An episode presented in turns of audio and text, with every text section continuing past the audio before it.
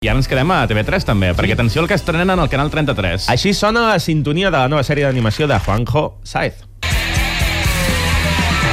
El carrer és la seva escola on aprendran Mira que ja fa anys, literalment anys, que sentim a parlar d'aquesta sèrie i uh, va haver-hi alguns entrebancs que van fer que, que s'aturés una, una miqueta aquesta nova idea que ha tingut l'il·lustrador Juanjo Saez. Finalment tota, arriba a bon port. Tota eh? gran producció té el seu camí Sí. i els seus impediments, però sí, té data d'estrena ja a Heavy Tendres. Aquest camí culmina el proper diumenge 4 de febrer, a on? Al Canal 33, perquè s'estrena la nova sèrie d'aquest il·lustrador, el Juanjo, que, com heu pogut veure en aquesta careta, o com heu pogut sentir, segueix l'estil de la celebrada Arròs Cubat. En aquest cas, en Juanjo s'ha inspirat en la seva adolescència, quan ell era heavy. La sèrie succeeix a la Barcelona de l'any 1991, per tant, super preolímpica, allí posada, quan el Juanjo Saez era teenager, i en la sèrie no explica directament els seus fets vitals, com fa sempre als seus llibres, sinó que és només això, és la inspiració per la història. Los personajes tienen una conexión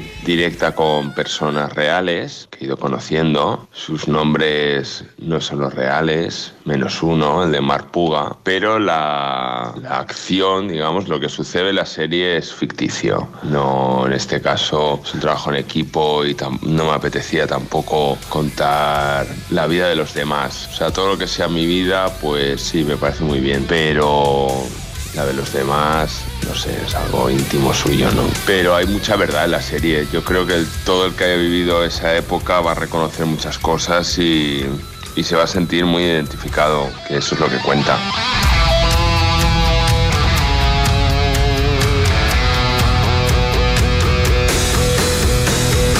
Va, doncs anem al Juanjo adolescent i uh, preguntem-li què significava per ell ser heavy en aquell moment vital. Yo creo que para nosotros ser heavy era una forma de evadirnos un poco de, nuestra realidad, ¿no? Un mundo, entrar en un mundo fantástico y salir un poco de, la realidad de, los barrios de los primeros 90, ¿no? finales de los 80, que era todo cemento y no podías hacer apenas vida en la calle. Bueno, era una realidad un poco opresiva. Después los chicos no nos gustaba estudiar, bueno, era una forma de sentirse parte de algo, eh, ser un poco transgresores pero sin pasarse, estar haciendo algo que a los padres igual no sabes si lo aprobarían. Bueno, es el, como el primer paso ¿no? para empezar a, a formar tu identidad.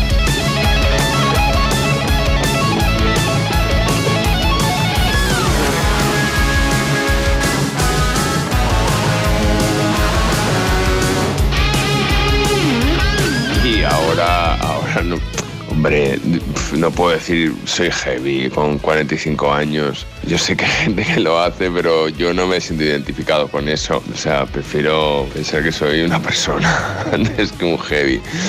Pero sigo escuchando todos los grupos que me gustaban y todo lo nuevo que va saliendo. Estoy al día del universo metalero y me encanta y me, da mucha felicidad. Y me sirve para lo mismo, para desconectar de mi realidad, para sacar mis tensiones y para entrar en, en otros mundos llenos de monstruos y, dragones y, gente enfadada. Es es muy bonito el heavy.